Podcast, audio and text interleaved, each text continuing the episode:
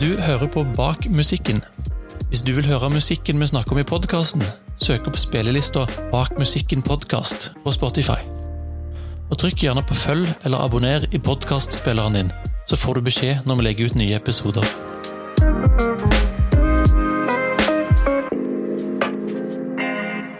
Daniel Kvammen, Ja, hei. hei! Hyggelig. Hjemme i kåken din i Oslo. Det stemmer.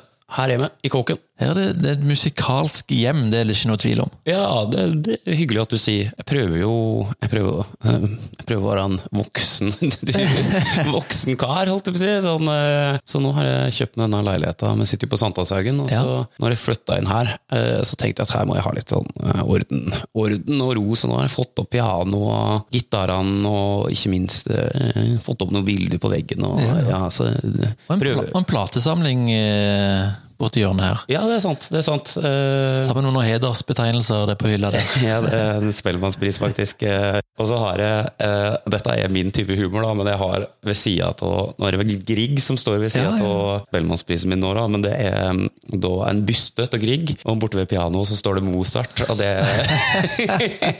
Er det inspirasjonen, eller hva er det? Er det bare gøy? Ja, før så sto liksom Mozart og, uh, og Spellemannsprisen sammen. Og da var det liksom eh, en, det en, sånn, en slags intern joke da, om at eh, noe er strekkes etter, på en måte. Ja, ja, ja. ja. Et mål. Et mål, ja. Ja, ja. Bra. Du er jo en av de mm, Jeg kan kalle deg folkekjær, tror jeg. Litt sånn erkenorsk ting på dialekt. Ektefølt. Har du noe sånn forhold til posisjonen din? Nei, det var jo veldig hyggelig sagt, da. Nei, du Ja, jo, ja Jeg, jeg pleier å si at jeg, jeg pleier å uh, tulle med at jeg er i bunnen av toppen. Eh, Men uh, både og. Jeg tror det ville vært tullete å sagt at jeg aldri har tenkt over hvor jeg vil, men hvor jeg er igjen, det tror jeg ikke jeg har så sterke tanker om. Men det var veldig hyggelig sagt det, da. Målsetninga mi har jo vært fra dag én å lage låter som står seg over tid. Da. Og da må en jo på en måte ta inn en del slike skal du si, element. Da, da, må en ta inn over seg hva det betyr. Hva er det som gjør at jeg fortsetter å høre på dagene med Odd, eller med eh, hva er det som gjør at uh, Skyfri himmel av Bjørn Eidsvåg liksom står seg? da? Og da, da så, jeg, så jeg har nok reflektert litt over det. Ja, faktisk spennende. Hva, hva, hva tror du er det suksesskriteriet som gjør at de låtene lever like godt i dag? Nei, det, vet du hva, det, det er sånn For det første så må det jo være kvalitet i både melodi, arrangement og tekst. Og så er det jo en del utomliggende faktorer som handler litt om at de må jo få relevans i sin samtid eller en ettertid. Så hvis du ser på låta som ofte har en slik posisjon, da, Det handler jo om at jeg eh, ofte Jeg har eksempel eh, kanskje én eller to som jeg føler liksom har kommet seg opp i det sjiktet. Og da er det jo det at jeg har jo hatt en funksjon. Når de på en eller annen måte har eh, blitt Hvis du tar for eksempel mine eksempel, så pleier jeg å henvise til henvise, Eller de jeg refererer til, da, er jo eh, Du fortjener for eksempel, du fortjener en som meg.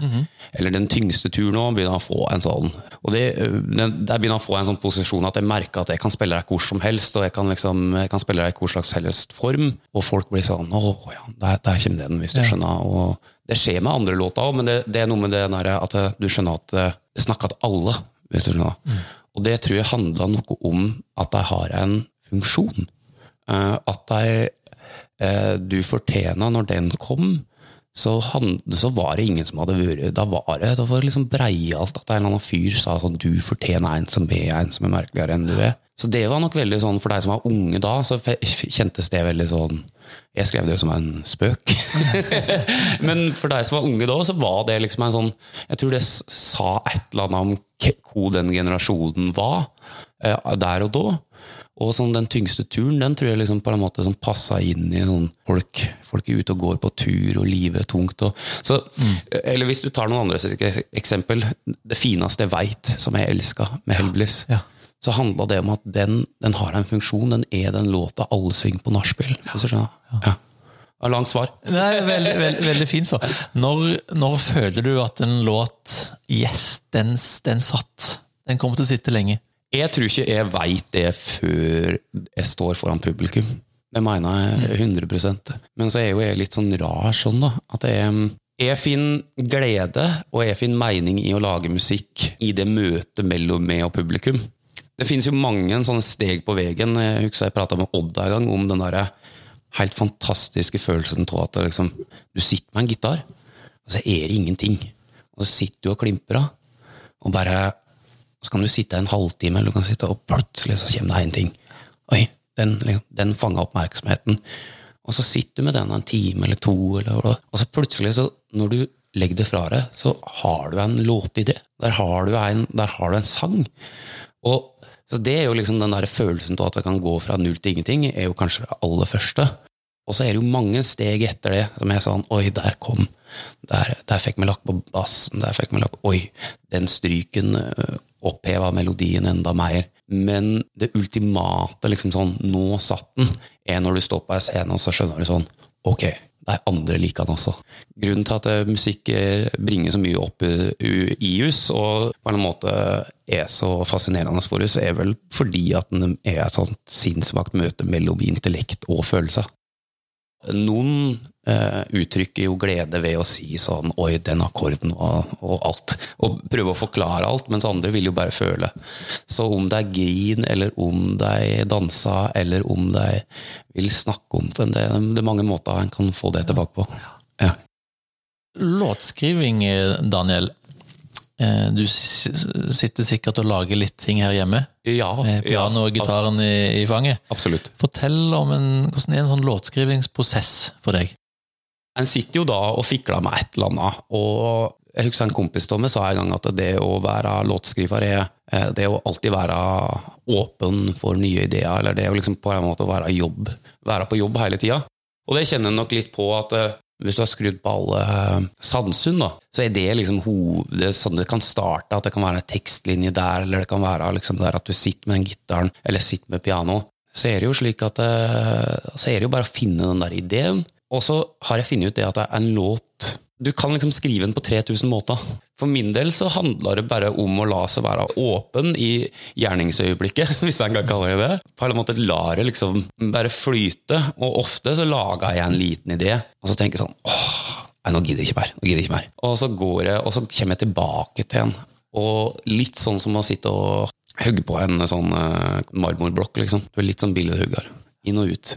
Og så må jeg jo si det at Etter hvert som jeg har blitt eldre òg, så har jeg jo, Før så skrev jeg stort sett alt sjøl. Og så etter hvert som jeg har blitt eldre, så har jeg jo funnet ut det at det, det, er jo noe sånn fantastisk eh, befriende i å spare med noen.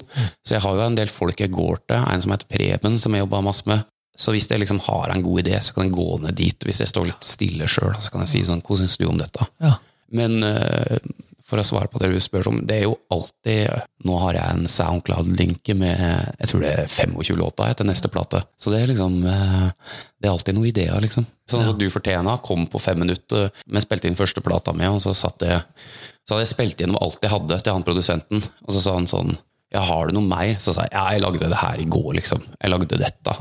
Og han bare Å ja, det der, det er noe. Og så sier jeg hæ? Det er bare tull, liksom. Hvis du skjønner. Og så gikk vi inn, og dagen etter så trykte vi det inn. Jeg det var helt på slutten av dagen, så dagen etter så gikk vi i studio, og så trykte vi det inn. Og så var det bare tre måneder etterpå, når plata kom ut, så var det den store hiten, liksom. Den en ikke hadde tenkt på i det hele tatt.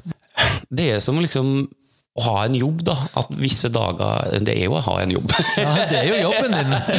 Men visse dager er tyngre enn andre, og det går ikke an å fange den store fisken hver gang en fisker hvis du skjønner. Så det å være på arbeid, og det å skrive de låtene, og så plutselig så har du den store fisken.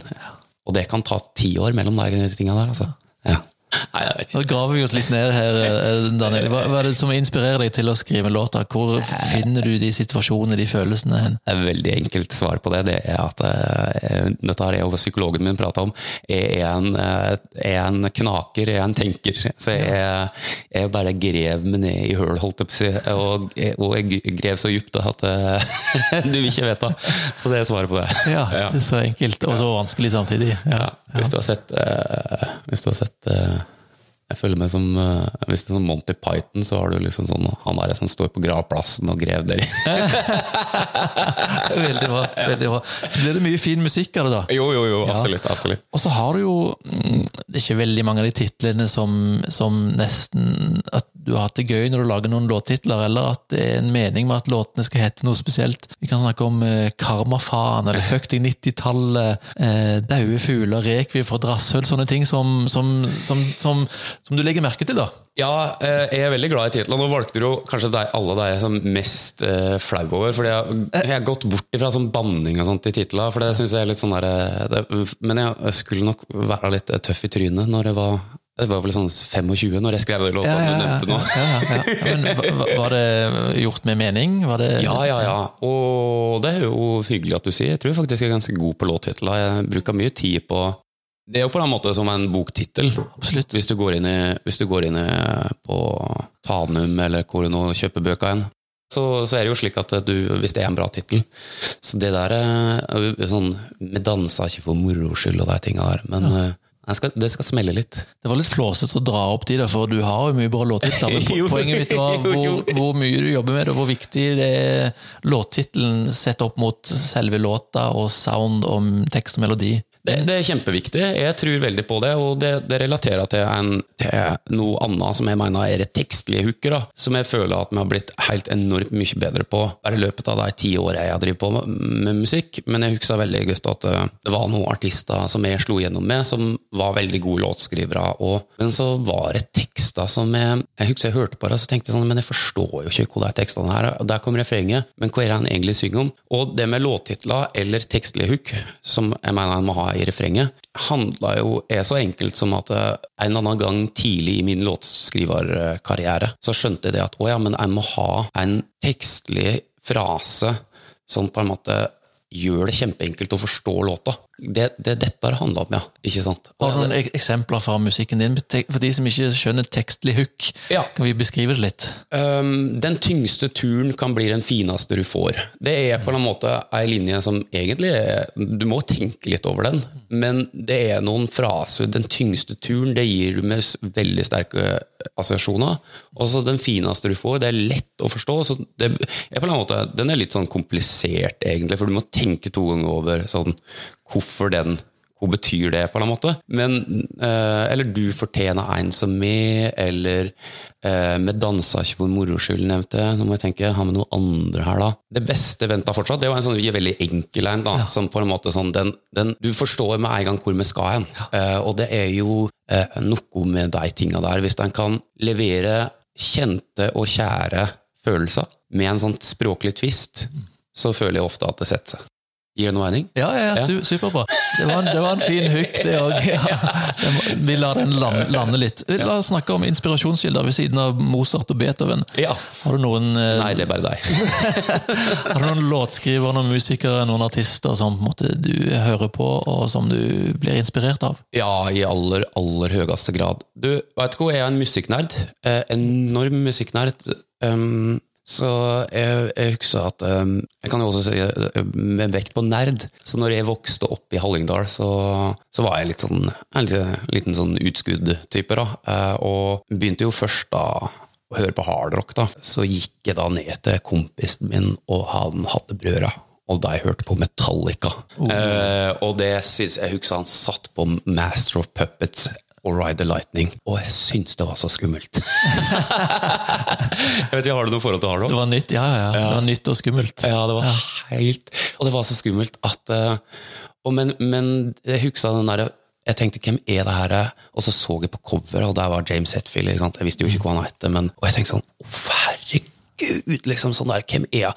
Han har langt hår og er kvisete, og hvem er han skumle? Hva er det som er galt med han, tenkte jeg.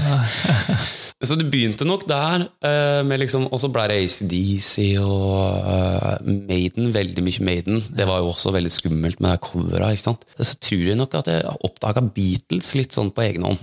Ja. ja. Uh, så det, det, var liksom Jeg husker, det, det, jeg husker ikke hvor jeg plukka opp det, om det var på Wikipedia eller noe sånt. Og så når jeg da seinere begynte på skolen, så var det noen jenter da, og da tror jeg vi hadde kommet til videregående, og, sånt, og da hadde jeg gått gjennom hele ungdomsskolen. Liksom, alle andre hørte på 50 Cent og Britney Spears, ja. mens, uh, mens, jeg var liksom sånn ah, Metallica, Saint Anger, liksom. Faen, har de ikke hørt Saint Anger? uh, ja.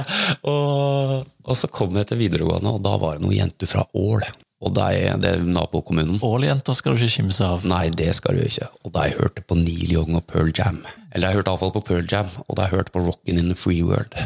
Og da fant jeg Neil Young, og det var liksom det. Da revolusjonerte hele verden seg. Så liksom fra jeg var sånn 16 år, så blei det nok jæklig mye sånn folkrock. da.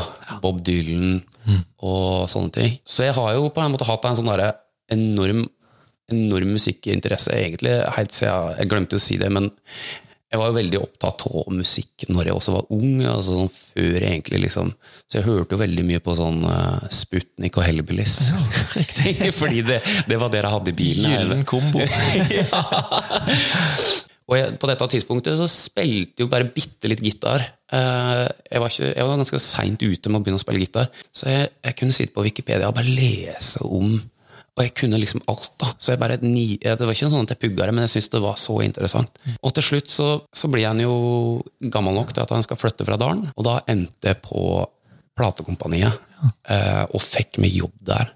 Og jeg husker at jeg kom inn der, og liksom det, mest, det smaleste jeg noen gang hadde hørt om, var liksom David Bowie. Det var liksom, det var, det var smart i Hallingdal. og så kom jeg inn der, og så var det bare sånn musikalsk revolusjon, hvis du skjønner. Da var det bare Yola Tengo og all slags indieband. Og jeg syns dette var helt sånn Jeg har sagt det på den måten her at jeg tror jeg aldri hadde vært artist i dag hvis det ikke hadde vært for platekompaniet. Ja, det er bra eh, skussmål. Ja. Og Nå glemte jo det på veggen, men jeg tror nok det er som står igjen i dag som mine sånn største inspirasjonskilder. Hvis jeg skulle bare tatt en sånn, så er det Neil Young og Dylan og eh, vært ekstremt glad i Talking Heads. Og så De Lillos, Hellbillies, Bob Hund og Bjella. Ja, og bjella på slutten der. Ja, Ja, ja, selvsagt. ja. selvsagt. Hva tenker du de som hører på deg, eh, hva får du ut av å stå på scenen, og hva vil du at de som hører på, skal, skal få ut av det? Oi, det er et godt spørsmål. Mm, hva jeg får ut av det? Gir det deg eh, inspirasjon? Gir det deg, eh, blir du glad av det? Kan du bli lei, lei deg av det? Eller hva, hva, Ja. hva, hva kan skje? Ja, nei, altså det er jo uh, veldig godt for egoet. Nei, nei du veit jo hvor. Det, er, det å stå på scenen er en sånn Det er en veldig rar følelse, for det, er litt som å hoppe i fallskjerm, hvis det gir noe mening. At du, du går gjennom et sånt adrenalinkick da, som er lignende med ekstremsport. Og så og der kan en føle veldig, veldig mye. En kan føle liksom glede, en kan føle sorg, og en kan føle Og så er jo de beste øyeblikkene der en på en måte føler at en har altså 100% kontakt med musikken eller med, med publikum. Altså det, er jo, en- det er på en måte ikke for å bli veldig, ikke for å bli veldig grov her, men det er jo på en måte som et samleie. Hvis du skjønner at Ja, det, ja. det er best hvis det funka for begge. Det er beste, beste løsningen her. Ja. Men hvis det, når det gjelder hva andre skal føle på, så jeg håper jo liksom jeg håper når de går fra min konsert, at jeg føler at jeg har opplevd noe meningsfylt, og om de har vært glad, eh, eller om de har vært lei seg, eller om de har vært begge deler, så håper jeg jo det at jeg går derfra, og på en måte at jeg har latt tankene vandre, at denne musikken har liksom på en måte At jeg føler at jeg har fått oppleve noe som gir deg noe mer. Og kanskje at jeg liksom har fått eh, et sånt fri, frirom fra resten av denne jævlige verden vi lever i. ja. Nydelig. Når jeg sier absolutt klining, ja. hva sier du da? Det syns jeg er helt genialt konsept. Jeg syns det. Så, Ja, så hyggelig. Kjempegøy. Du har rett og slett tatt en del av låtene dine og lagd du kaller det kline-versjoner. da. Det stemmer. Fortell motivasjon. Er det, er det humor? Er det gøy? Er det, vil du faktisk at folk skal kline mer? Hva er, hva er greia? Nei, Det er på alle mulige måter humor. eh, og, eller ja, altså, jeg vil jo at folk skal kline mer. Jeg var sterkt eh, for det. Eh, men det er Bakgrunnen for det var at eh, i 2015, når Du fortjener begynte å eksplodere, så var det noen som sa kanskje vi skal spille inn en akustisk versjon. Og så kom jeg på med dette. Jeg syntes det var så kjedelig at det, det heter acoustic, acoustic version. Så jeg sa sånn, du får kalle den klineversjon. Og så gjorde jeg det, og så blei nå det. Altså, den har jo Altså, jeg tror Du fortjener har vel gått til platinum, den. Og så tror jeg klineversjonen er på gull, den òg. Så det er liksom det, ja. Og så var jeg jo inne på at jeg har liksom eksperimentert litt med sånn pop-sound og sånn. Og så var det i veldig mange år at eh, folk kom bort til meg og sa sånn Du, kan ikke du spille inn en akustisk versjon av Vi dansa ikke for moro skyld, men jeg syns den er så fin. så kom jo liksom pandemien, da, og så tenkte jeg at fader heller, nå er det jo liksom et eh, opprop til å gjøre dette. Så da spilte jeg inn alle de låtene som jeg tenkte kanskje og noen av dem var bare låter som jeg syntes var for dårlig innspilt. Eh, så da spilte jeg inn alt Jeg spilte inn alle de som jeg følte liksom var mine De var kanskje de som har fått mye god tilbakemelding på, pluss et par låter som jeg kanskje ikke følte var gode nok på plate. Og så lagde jeg ei plate som, heter, som er en best of, akustisk best of. Og så tenkte jeg da, hva er det jeg kaller disse hva er det jeg kaller sånne best of-plater?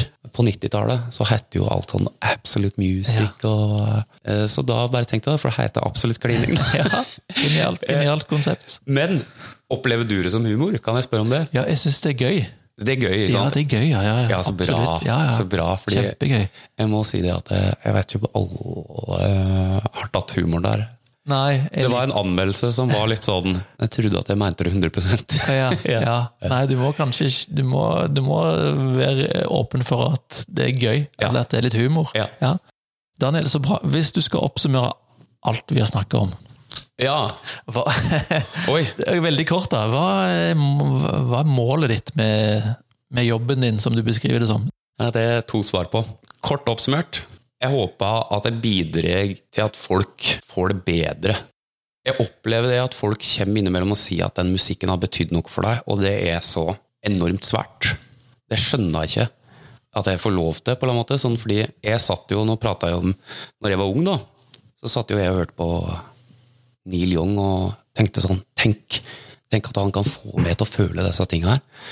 Og så er det jo sånn nå at eh, etter hvert som jeg blir eldre, så kommer folk og sier at ja, du, vi, vi gifta oss til musikken, eller vi møtte hverandre, og ungen her, han Folk som har sagt det. Den ble lagd når vi hørte på det.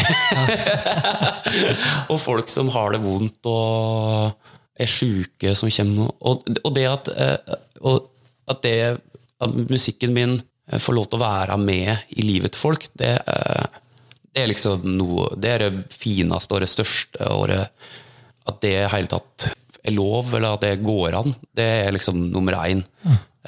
Du høres ut som du er så takknemlig ut. Ja, veldig, veldig. Ja. veldig. Og så er det en veldig sånn stor følelse.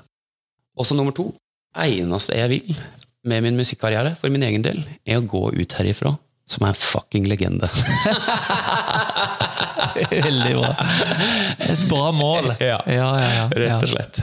Jeg husker jeg sa dette til en tidlig manager. sånn har ingen ambisjoner utenom å gå ut derifra som en fucking legende. Og derfor er Mozart og Grieg Nei, Beethoven og Grieg på hylla di her. Det stemmer, det stemmer, ja. ja. ja. Lykke til med legendebygging. Det var Mozart, da. Det var, det var Mozart, ja. Mozart og Grieg, ja. Jeg kjente han ikke helt igjen. Han var litt sånn skygge, dårlig lyssatt. Eh, ja, han står litt borti der. Ja. Ja. Lykke til, eh, Daniel. Vi heier på deg og følger med. Tusen hjertelig takk for at jeg fikk komme. Du har hørt Bak musikken. Hvis du vil høre musikken vi snakker om i podkasten, søk opp spillelista Bak musikken podkast på Spotify. Og Trykk gjerne på følg eller abonner i podkastspilleren din, så får du beskjed når vi legger ut nye episoder.